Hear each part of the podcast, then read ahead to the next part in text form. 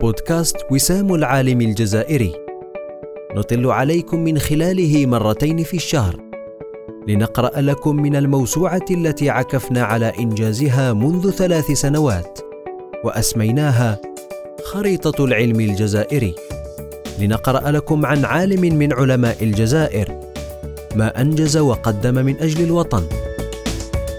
نقرأ لكم لإحياء الأمل في النفوس. لنردد معكم نعم للجزائر علماؤها. بودكاست وسام العالم الجزائري مرتين في الشهر أيام الأربعاء.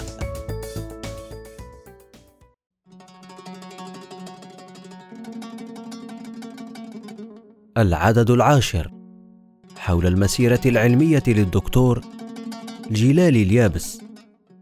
بين علمي الإجتماع والاقتصاد. مسيرة لم تكتمل. حمى الله الجزائر وأهلها وأبعد عنها ويلات الإرهاب. فقد فتح في تاريخ الجزائر هالة سوداء. نزف منها جرح لم يندمل بعد وكلما حاولنا تطهيره وجدنا أنه غائر. وها نحن اليوم مع عالم بدأ نوره يلوح. وبمكنون صدره بدأ يبوح. ولكن القدر كان أسرع فترك لنا الأثر وبعضا من الثمر. نتناول في حلقتنا اليوم شذرات من حياة عالم الاجتماع الجزائري الدكتور جيلال اليابس. ولد في الفاتح من سنة 1948 بسيدي بالعباس من أسرة تتكون من ثلاث بنات. وثلاثة أطفال هو أصغرهم في أحضان الوالد قدور الذي كان يمتهن حرفة الصياغة. نشأ الطفل الجيلالي في حي مونبليزيغ في بيت محافظ على الورد اليومي للقرآن الكريم وفي كنف مكتبة عائلية تحتوي على كتب حول الفكر الإسلامي وعلى مخطوطات الوالد قدور التي كان يكتبها بصفة منتظمة تحوي تعليقات وخلاصات ذات منحى ديني. نشأ الجيلالي في بيت يكره الاستعمار الفرنسي الذي تحول لمكان لتخزين الأسلحة وملجأ للمجاهدين مجاهدي الولاية الخامسة التاريخية ومنه انطلق أخواه وأخته في سبيل الشهادة في سبيل الله وتضحية لتحرير وطن عانى الذل والهوان لمدة فاقت القرن. فقد الجيلالي أحد إخوته اغتيالا من طرف المنظمة السرية الإرهابية OAS ولم يكن على علم بأنه سيلقى نفس المصير على يد أعداء للوطن حاولوا تخريبه بتغريب أبنائه عنه. الأحداث المحزنة التي عاشها هذا الفتى اليافع كانت نقطة انعطاف في حياته وسببا في مطالعاته النهمة في كل ما يقع تحت يديه من صحف ومجلات وكتب وكل ما من شأنه أن يمده برؤية أوضح عن واقع يحاول فهمه ومستقبل يجس نبضه.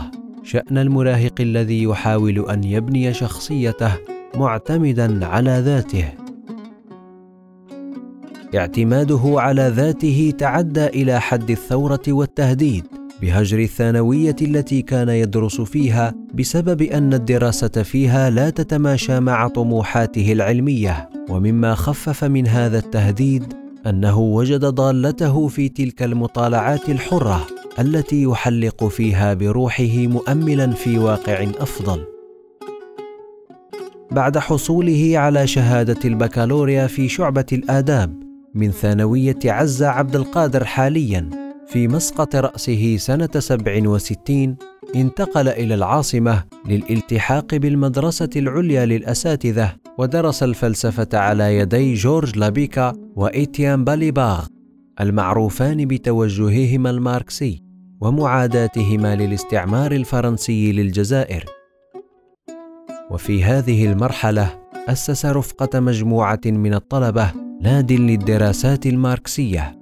ورفض بالمقابل الانضمام الرسمي إلى الحركة الطلابية حفاظا على استقلالية فكره ولم ينضم لأي حزب سياسي حتى بعد التعددية الحزبية في الجزائر. وبعد حصوله على الليسانس في الفلسفة اختار التعمق في دراسة علم الاجتماع والاقتصاد فالتحق سنة 71 بمركز البحث التابع لوزارة التخطيط وأشرف خلال عشر سنوات على إحدى أكبر الدراسات التي تبناها هذا المركز الأكاديمي والمعنونة بالقطاع الخاص في الجزائر. وفي سنة 88 ناقش أطروحته للحصول على دكتوراه دولة من جامعة باريس سبعة بموضوع مؤسسات منظمون وبرجوازية الصناعة في الجزائر عناصر سوسيولوجيا المسعى.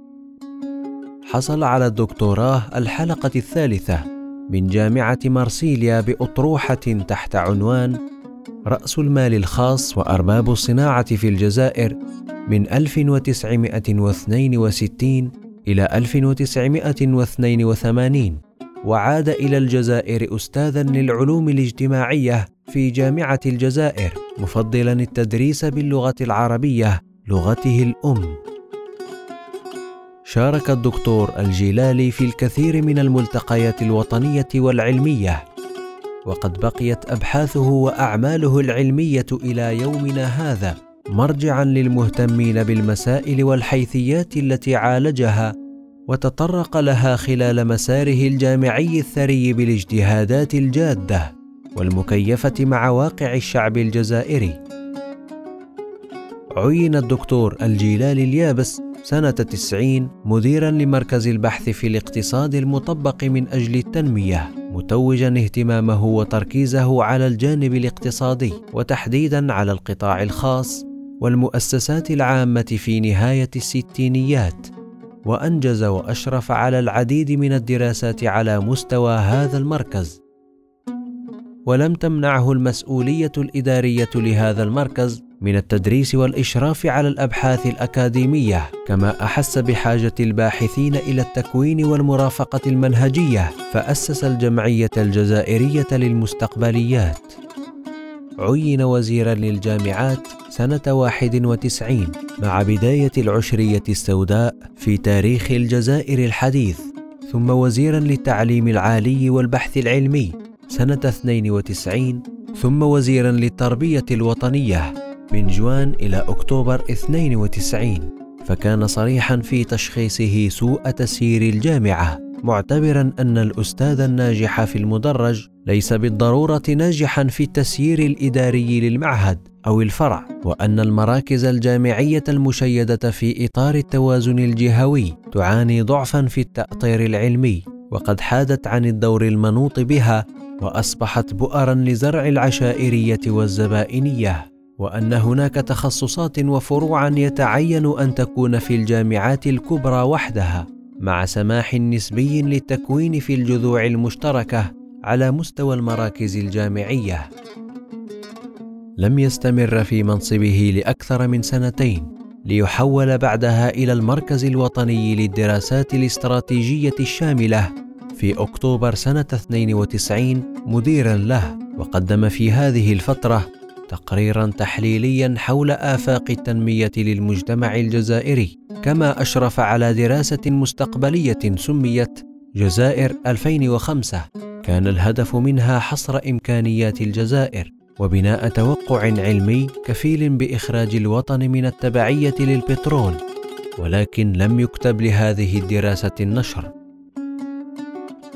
من المؤلفات التي تركها دول العالم الثالث والمنظمة العالمية الجديدة البحث والصرامة.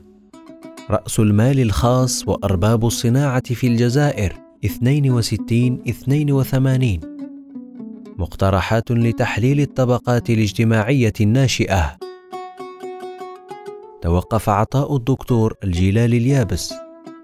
ذات صباح من يوم 16 مارس 93 عندما أغتيل غدرا. بالقرب من منزله بالحي الشعبي بن عمار القبة الجزائر العاصمة وهو لم يتجاوز 45 سنة مخلفا وراءه ثلاثة أبناء صبري عشرون سنة وهند تسعة عشر سنة ودليل في عامه الأول. وقد خلدت سيدي بالعباس اسمه على اسم الجامعة منذ سنة 96 موعدنا بكم يتجدد في عدد جديد من بودكاست وسام العالم الجزائري مع تحيات قسم إنتاج المعرفة بمؤسسة وسام العالم الجزائري. نعم للجزائر علماؤها.